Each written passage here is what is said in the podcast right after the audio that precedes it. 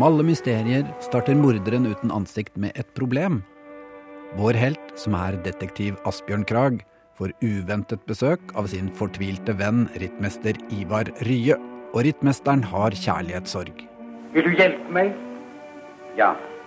Kanskje ordner alt seg før du vet ordet av det. Detektiv Krag virker ubekymret, for trøbbel innen kjærligheten er jo ikke uten videre en sak for en etterforsker. Og særlig ikke når alt hadde vært fryd og glede inntil ganske nylig. Nei, for et vakkert par dere er. Rittmester Ivar Rye, nyforlovet, Du er den eneste jeg er sikker på, Irene. med oberst Holgers datter Irene. Her, eh, du kan gratulere oss. Se, se. Nå, jeg kan ikke godt si det kom overraskende. Hjertelig til lykke, begge to. For filmregissør Leif Sinding står også mye på spill. Han har satset dristig på denne historien, bygget på Stein Rivertons kriminalroman 'Morderen uten ansikt'. Filmen er spilt inn på 40 dager i det nye norske studioet på Jar utenfor Oslo. De har vært heldige med været. Blå himmel under alle utendørs opptak. Alt er klart til premiere andre juledag 1936.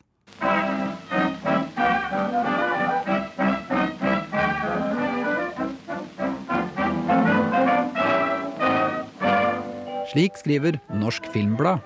Så blir det likevel en norsk film i år. En kriminalfilm. Den første i sin sjanger i Norge.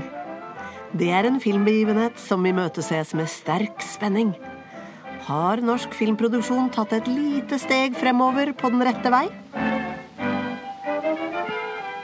Aftenposten. Salen dampet av noe av den stemning vi kjenner fra premierer på amatørkomedier. Hvor teatersalongen er fòret med en viss lubben velvilje fra venner og bekjente, som dog når som helst kan slå over i det ubarmhjertige. Kinoannonsen oppgir filmens lengde til 2250 meter, men i dag er det lenge siden noen har sett filmen i sin helhet. For 300 meter lyd og 300 meter bilde har manglet. To filmruller kan være tapt for verden. En som fortviler over dette, er Arild eh, Jørgensen, forskningsbibliotekar. signalement, Svartkledd, langt hvitt hår, kan se litt farlig ut. Som en filmarkivar så er jo man alltid opptatt av, selv om film, om man ikke syns kanskje filmen er så bra, så vil man jo at det skal være mest komplett. Og ikke minst fordi at på 30-tallet i Norge så ble det jo laget veldig lite eh, spillefilm. Filmrullene er savnet. Det mangler ti minutter bilde i starten og ti minutter lyd et annet sted. Og det er jo tragisk for de av oss som ønsker det beste for norsk film, som liker at mysterier finner sin løsning, de av oss som misliker at det mangler biter av et puslespill. Filmarkivarene på Nasjonalbiblioteket vet ikke sin arme råd. Uff, den der eh, morderen uten ansikt er, er jo fortsatt ukomplett. Kan den være altså, Det er altfor mye Ja, det gjør jo det. Det er helt for Ja. surr. Ja, hvor er det blitt av de rullene? Ja, vi må jo finne den der. Jeg skjønner jo ikke ukomplett i filmen. Vi skjønner jo ingenting av den.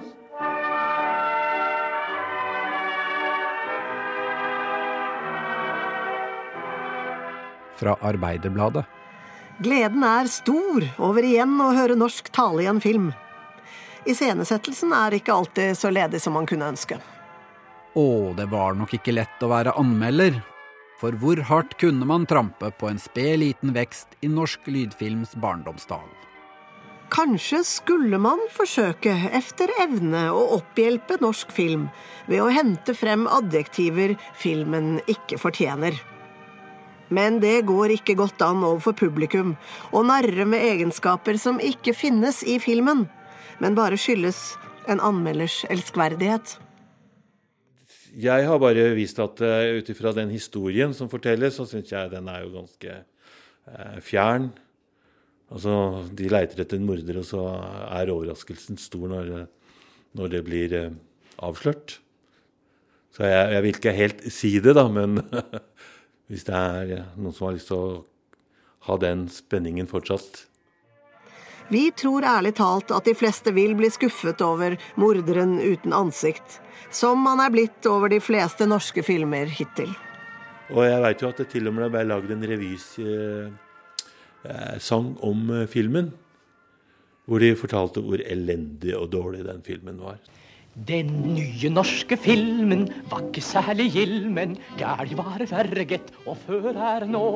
Mordet var nokka, morderen skokka, og løsningen den dummeste en kunne få. Ja, det må være noe helt ekstraordinært med slutten av denne filmen. Så dum at den var verd ei revyvise, så teit at den er noe å glede seg til. Men hva var det med historien som gjorde at den endte slik? Hva gikk galt på veien mot løsningen for regissør Sinding, forfatteren Riverton og detektiv Asbjørn Krag? Hva skjedde egentlig? Irene, hva er i veien? Er det hendt noe? Ja, det er hendt noe. Det er alt jeg kan si.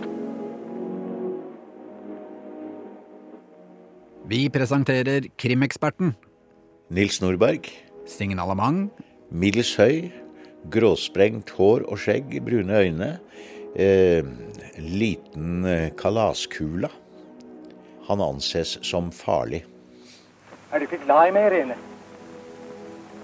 Vil du ikke svare på det heller? Harselasen kom vel først og fremst som følge av filmen, tror jeg. fordi at det er den eneste Riverton-romanen som ble filmet i Norge. Og jeg har sett, sett, den, eller det som er igjen av den, og den har nok ikke ufortjent fått et ry som en av de største kalkuner i, i norsk filmhistorie, da. Men selv ikke en kalkun fortjener å mangle en vinge og et lår. Hvis filmrullene som er borte, dukker opp, kan de kanskje gi svar på om den klumsete fuglen kunne fløyet bedre i dag. Jeg kommer alltid til å være glad i deg. Bare deg. Ja, men hvorfor får jeg ikke treffe deg, da? Svar. Når får jeg se deg igjen? Slipp tøylen! Slipp tøylen, så skal jeg svare deg på det.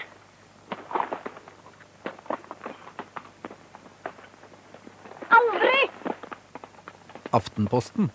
Litt for meget langsom kino. Litt for slørede bilder. Litt for mange hesterumper. Morderen har jo, ingen, har jo ikke noe motiv for å begå sine handlinger.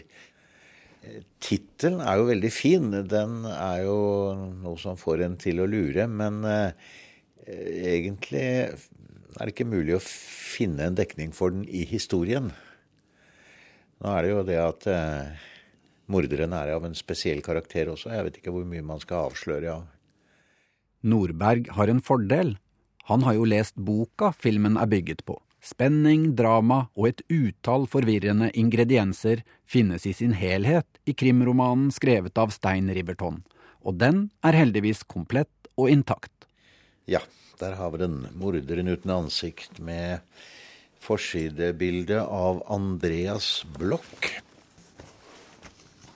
Du elsker henne virkelig? spurte Asbjørn Krag og så granskende på sin venn fra siden. Det er en slags sånn uh, in medias res-åpning, uh, da.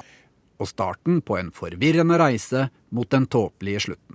Stein uh, Riverton var jo en gullalder i seg selv i norsk krimlitteratur. Han var jo enormt produktiv, og han var den nordiske kriminalforfatter som nådde lengst ut på den tiden. Da morderen uten ansikt skapte allmenn irritasjon på kino, hadde Stein Riverton alt vært død i flere år. Etter et liv der han brant sitt lys i begge ender og på midten. Skade bare at Stein Riverton ikke lever. Så han kunne ha hjulpet med å gi filmen noe av den atmosfære enhver god kriminalfilm trenger. Veldig mange av kriminalromanene hans, med noen få unntak hvor han virkelig satte seg ned og gjorde seg flid, som i 'Jernvognen' da, og 'Morderen fra mørket', så skrev han jo sine historier som føljetonger. Og det gikk eh, fort for seg. Han, eh, Herman Wildenvey har fortalt hvordan Riverton satt og skrev eh, på kafé med et støyende selskap rundt seg, og folk lo og snakket, og noen leste dikt, og uh, andre sang osv. Og, så og han satt der, og det sto gjerne et bud fra avisen også og ventet på ham, sannsynligvis, for det skulle jo være et nytt avsnitt hver dag. Og da ble det jo litt slurv, da.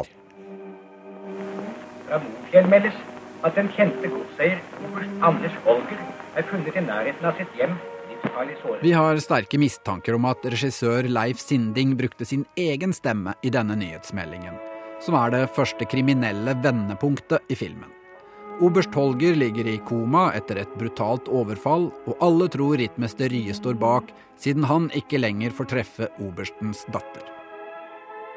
Og detektiv Asbjørn Krag hiver seg i et sjøfly for å komme sin gode venn til unnsetning.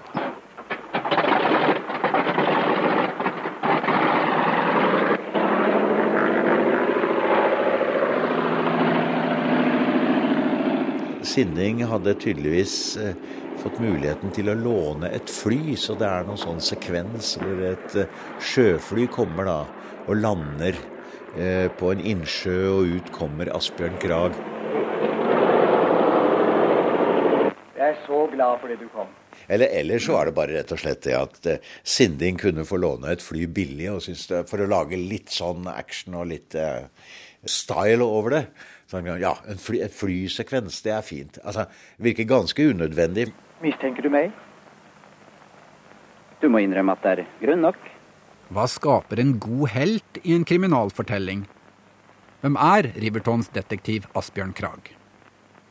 Eh, til å begynne med så er han en typisk actionhelt. Eh, som flyr rundt bevæpnet. Eh, som rekvirerer jernbanens nyeste stålkjempe for å følge forbryterne, og som befinner seg gjerne konstant i duell med en eller annen forslagen storforbryter. Det er noe som går igjen i veldig mange av Krag-historiene.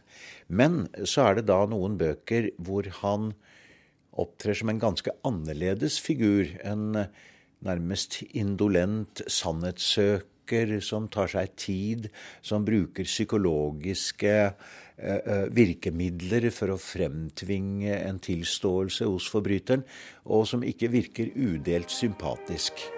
Skulle, skulle ønske de aldri var kommet. Det er det flere som gjør. Trøst deg med det. En gang var Asbjørn Krag en skarp og flott detektiv, men det er lenge siden.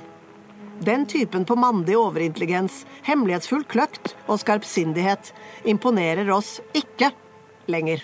Eh, I tillegg til at eh, Asbjørn Krag spilles jo av eh, Bias Bernhoft, som jo var mest kjent som revyforfatter. Det må være noe av det eneste han har gjort som skuespiller.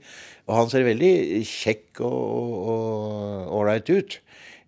Som en detektiv på film skulle se ut, men han er litt for mye sånn der kvikk Oslo-tone uten noe særlig innhold, da, for å si det sånn. Litt den, ja, vi må ordne opp i dette her, rittmester. Skal vi nok gjøre. Litt, litt der. Norsk Filmblad. Bias Bernhoft var et feilgrep. Klarte ikke på noen måte å illudere fabeldetektiven Asbjørn Krag. Dertil virket han altfor ubetydelig. Else Heiberg ville sikkert vært utmerket under riktig instruksjon. Nå var hun søt og sympatisk som stykkets unge pike. Skulle vokte dem for å stille felle, de. Herr detektiv. Og de skulle vokte dem for å gå i dem, de, frøken. Innbruddstyv. Else Heiberg sto der stum og stiv. Å, det var fryktelig, det der. Til slutt kom Bias Bernhoft inn som detektiv. Og da kunne ingenting bli verre. Er det i hovedsak regissør Leif Sinding som har skylda for at filmen havarerte? Hva skjedde med Sinding etter denne slakten? Kan han selv ha gjemt rullene for at ettertiden skulle glemme filmen? Her er filmekspert Jan Erik Holst. Signalement. En smule fyldig, eh, noe selvopptatt, pågående, en slags gründer. eh, Men eh, muligens ikke så god til å gjennomføre mange prosjekter. Så hvis politibetjenter skulle lete etter deg, så var det disse Ja, det vil jeg tro var ganske treffende. Oppe på lerretet er fortellinger spektakulære. Ting skjer ofte i rett øyeblikk. Men i den virkelige verden kan en skatt av filmruller forsvinne uten at et spor dukker opp noensinne. Ja, antagelig så finnes den, men under en annen tittel i en annen boks. Det er veldig ofte hemmeligheten i filmarkiv, at den er registrert feil. De har jo stadig vekk funnet ting, nå sist en kinesisk film som ingen hadde hørt om. Så vi skal bare håpe at den dukker opp en gang. Hva har de der? Det er regnskapen, herr oberst. Ja visst, ja. Og noen nydelige regnskaper er det. Vi skal ha en liten konferanse når jeg kommer tilbake, Andresen. Jeg tror ikke den blir behagelig for dem. Adjø. Jo, men Sinding var en veldig pedant. Han, han, han eh, laget jo sine manuskripter, enten det var originalt, sånn som han gjorde mot slutten av sin karriere, eller basert på litteratur, veldig komplekse, med mange karakterer og forvirrede utviklingslinjer. Jeg forstår ikke. Hvor man ikke klarte å følge med. Nei, muligens ikke. Det var da et underlig svar. Jeg kan ikke gi noe ansvar. Et slikt svar gjør et dårlig inntrykk og forverrer deres sak. Det var hans evne til å omsette tekst til film som var mangelfull. Hva skal vi gjøre? Hva? Er du gæren? Altså, han hadde svulstige replikker, han hadde konstruerte dialoger, han hadde veldig mange personer med i filmene. Ikke det. Nei. Nei, ikke det. Så det var, det var lite filmisk over hans arbeid. Ja. Det var mer liksom eh, litterær prestisje, eller en slags sånn nasjonal arv som han skulle fremføre i film. Altså den kjente norske litteraturen skulle opp og frem. Norsk Filmblad. Selve opplegget er galt. Det er seigt og omstendelig istedenfor lynrapt og intelligent. Det flakker istedenfor å fastholde, irriterer fremfor å fengsle. De skuler omt inn i kamera og kjemper desperat med sine replikker, som snart er strammet inn til krampaktighet og snart er dvelende betydningsløse. Man får uvilkårlig sjokk hvis en av dem begynner å snakke naturlig. Men det hender meget sjelden. I filmens virkelighet øker dramatikken. Sakfører Boman er slått i hjel, død etter stygge hodeskader, funnet på samme sted som oberst Holger. Mer peker nå i retning av rittmesteren. Andre scener skaper forvirring og tvil. Nå, har De så utført mitt oppdrag, herr landhandler? Det var ikke noe svar. Jeg gikk til oberstens gård, jeg, og jeg Jeg skal vente i tre dager til, men så Ikke lenger. Og Leif Sinding velger å sprite det hele opp med folkelig humor. Naldus, du har vært på skjenken. Nei, å nei. Her mangler noe. Ja, det er bare svinn. Sludder. Materien kan ikke forsvinne, vet du ikke det? Leif Just Nilsen, senere Leif Juster, er klønete butikkassistent. Det er ikke materie, det er flesk. Eh, han hadde jo sans for eh, å oppdage nye stjerner. Altså Hvis Juster eh, var med her, så må det ha vært en av de aller tidligste rollene han hadde. fordi han ble jo ikke kjent før uh, 'Forsvunne pølsemaker' i, i, i, i 42, så det var interessant. Naldus, Ja, du er en en en dust. å nei. Derfra uttrykket har kommet. Han er helt noldus. Ja, Det kan hende, faktisk. Da har han jo satt spor etter seg, denne absolutt. filmen. Absolutt. absolutt. Men Juster havner i skyggen av Carl Struve som den fordrukne landhandler. Naldus, spytt ikke i meltønnen. Spytt i sirupen. Der hjelper det. Tidens tegn. Carl Struve er meget morsom, på ytterst folkelig vis. Og husk, når jeg har sagt A, så mener jeg B. Folk må uvilkårlig brøle hver gang han åpner munnen.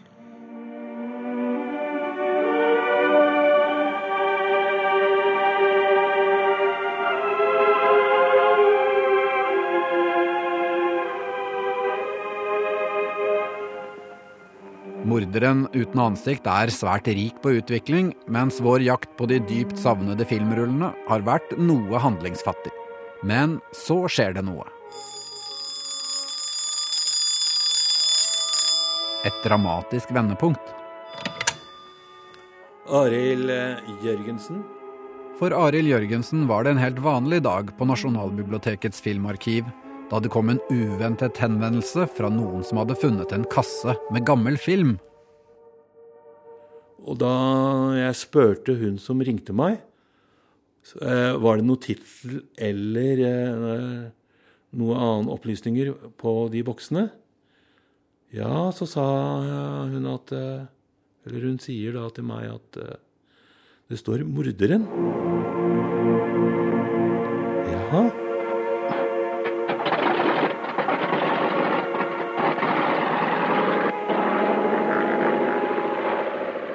Som en hyllest til Leif Sindlings metode rekvirerer vi Nasjonalbibliotekets beste sjøfly og haster av sted mot Løren i Oslo for en rekonstruksjon.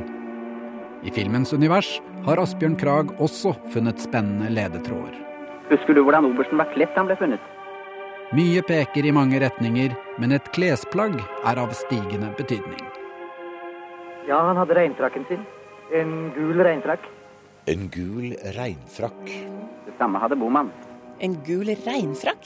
En gul regnfrakk? En gul, En gul regnfrakk?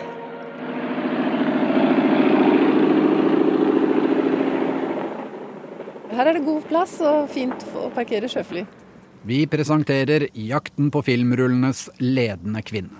Ja, jeg heter Frøydis Hobbelhagen og er kunsthistoriker i DNB. Ja, Den norske bank holder seg med en kunsthistoriker til å passe på sine vakre utsmykninger og verdifulle gjenstander, og i dag har hun et særlig kjennetegn. Fluoriserende oransje kjole, som var lett å se både fra luften og fra bakken. Det var jo i forbindelse med denne store opprydningen etter at banken flyttet ut av alle lokalene sine, eh, de gamle lokalene. Det var rene arkeologiske utgravningen. Vi fant så mye rart. Ting du aldri ville trodd du skulle finne i en bank. Innerst i en krok så fant vi en metallboks. Eh, som da inneholdt eh, noen gamle filmruller. Og det var gamle filmruller, så vi. Det var jo celluloid-film. Og det første jeg tenkte på, var brannfaren. Bekymring for, for, at den har stått her så lenge. Hvis den var selvantennelig. Frøydis med den fluoriserende kjolen er ikke det beste vitnet. Hun husker knapt filmarkivaren med det lange, hvite håret. Jeg kan ikke beskrive han. Han var bare inne, sto på hodet nede i, i boksen, rotet litt rundt, eh, tok den med seg og gikk igjen. Jeg syns de har peilt seg inn også, er det? Han kommer jo rett mot oss. Det er jo en gammel eh, kriminalhistorie fra dette bygget også, for dette var gamle tellesentralen. Filmrullene fikk en overraskende funksjon som rekvisitt da DNBs tellesentral på Løren ble åsted for tre grove kommandoran rundt årtusenskiftet. Og det kom en gjeng som eh, kjørte rett inn og banet seg vei og truet de ansatte og fikk med seg masse penger. Og da lå filmrullene rett i nærheten? Da lå de rett innenfor. De så egentlig bare etter ting som hadde økonomisk verdi. Penger. Ja, Det spørs om de var så opptatt av den kulturhistoriske dimensjonen. Nei, det var tydeligvis ikke det.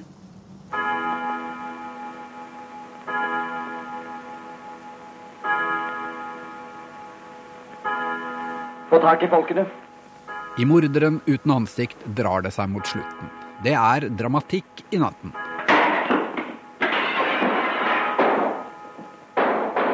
Asbjørn Krag har skjønt noe ingen andre er i nærheten av å fatte. Hvem har gjort det? Det er jeg fullt klar over. Men hvem, da? Hvem? Morderen. Men hva ville han her, da? Hva i all verden ville han? Hvem vet? Hvem vet hva som rører seg i en slik hjerne?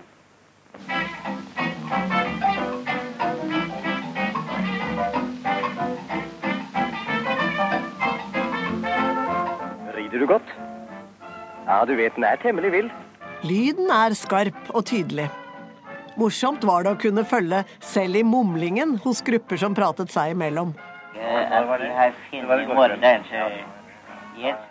Og hvor koselig og hjemlig lød det ikke da Gjøranstad ropte på Hansen? Ja, ja, la gå, da. Og Hansen, hent Mustafa, da. Dere er nettopp satt inn på stallen, ikke sant? Ja vel. To store og skjøre filmruller merket 'Morderen' er sendt til undersøkelser. Kan det være kalkunens manglende deler, og er materialet i god nok teknisk stand til å spilles av? Ingen kan si hva rullene gjorde i banken. Pant for lån eller ubetalte regninger. Prosjektet ga regissør Leif Sinding en knekk, og han tok oppdrag med å lage valgfilm for partiet Høyre. Det tok noen år eh, før han kom seg på fote igjen. Mannen bak kalkunen var selv en litt ensom fugl. Han produserte jo filmene sine selv. Han var aldri innom norsk film annet enn å låne studioene eller leie studioene og teknisk utstyr. Han hadde jo et selskap som het Svalefilm. Det er jo ganske betegnende for hans store visjoner og store drømmer. Svalen fløy lavt noen år, men så steg den til de store høyder. Først med suksessen De vergeløse i 1939. Så ble han jo øh, kjent veldig mye for Tante Pose, en komedie også etter Gabriel Scott. Og det er jo en legendarisk uh, morofilm som vises hver jul. En stor komedie. I dag er Leif Sinding blitt utnevnt til riksfilmdirektør.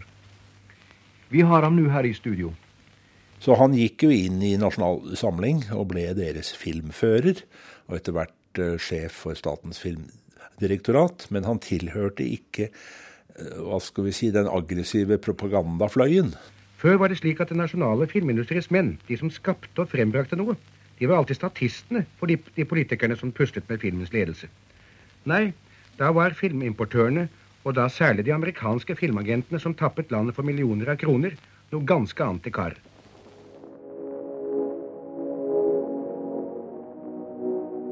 Man kan ane en agg mot Hollywoods sjangerfilmer, men noe av det siste Sinding gjør som filmfører, er å få satt opp 'Morderen uten ansikt', en siste runde på kino, vinteren 1945. Kanskje er det lov å konkludere med at hele historien var et venstrehåndsarbeide, utført av noen langt til høyre. For også forfatter Stein Riverton var en mann med politisk slagside mot styrbord.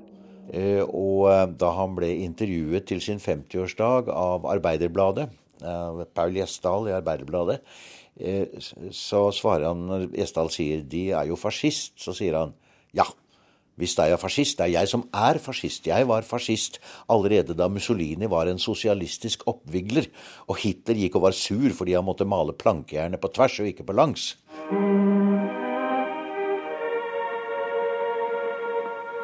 Filmarkivar Arild Jørgensen har fullført sine undersøkelser av filmrullene. Og i tråd med mang en god krim samler han sine beste kolleger i biblioteket for å komme med en stor nyhet. Gutter, gutter! Jeg har jo funnet resten av den derre morderen uten ansikt. Ja, det er fenomenalt. 20 av filmen du har funnet nå, eller omtrent? Ja, det som mangla, ja.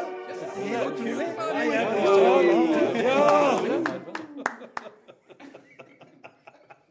Dette er egentlig, altså Selv om jeg har sett en ukomplette som var litt sånn ja, rar og merkelig Jeg skjønte ikke helt alltid, men jeg fikk med meg sånn slutten.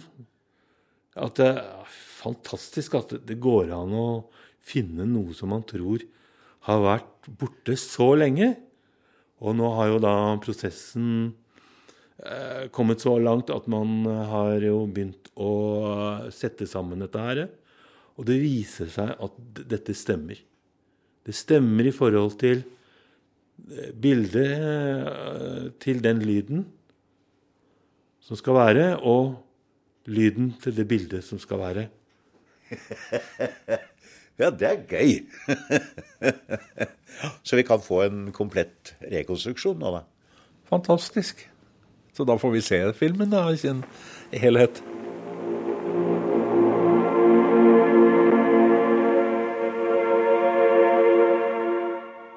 Filmen 'Morderen uten ansikt' er igjen et komplett makkverk. I handlingens klimaks samler Asbjørn Krag alle involverte på gårdsplassen for å avsløre mysteriet. Hvem er morderen? Det som skjedde, var i korthet følgende. Rye rider ut, treffer Irene nær Holtingen, setter Mustafa fra seg, den går og gresser, får øye på obersten i gul regnfrakk, jager ham tvers over Holtingen og slår ham ned. Og Boman? Akkurat på samme måte. Ut av det blå for de fleste har Krag funnet ut at rittmester Ryes villstyrige hingst Mustafa har en fortid som sirkushest. Dresserte dyr er alltid farlige. Det viser seg at Mustafa opptrådte i en pantomime, hvor den skulle slå ned en utstoppet dukke i gul regnfrakk. Den spilte med andre ord en kloke hest. Dessverre har den siden anvendt sin klokskap feilaktig. Mustafa har skamslått obersten. Mustafa drepte bomannen, og det var Mustafa som slo inn vinduet ditt. Som på bestilling kommer oberst Holgers datter med de endelige beviser. Der kommer frøken Irene. Obersten er kommet til bevissthet nå, ikke sant? Hva sa han? Han sa hils stridsmesteren og si at han må skyte hesten sin. Det har vært livsfarlig å gå rundt i gul regnfrakk her i bygden.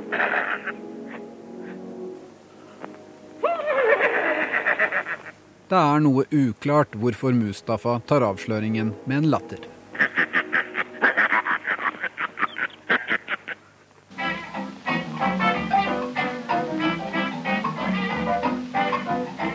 Altså, jeg, jeg tror vel eh, Leif Sindings eh, tanke med å lage filmen det var nok å rett og slett få folk på kino og underholde dem.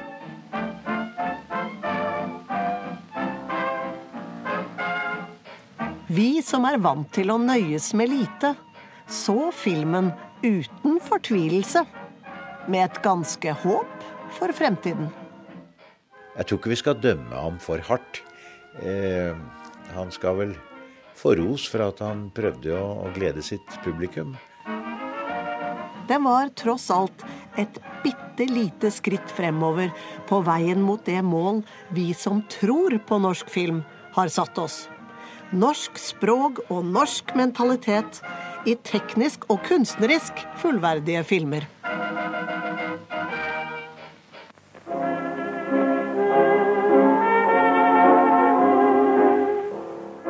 Som en harmonisk avtoning når alle brikker er havnet på plass, så får rittmester Rye sin elskede tilbake og bryter ut i sang. Typisk Sinding, vil jeg si. Det at de får hverandre, og at det er en happy ending, det er et godt tegn ved mange av Sindings filmer.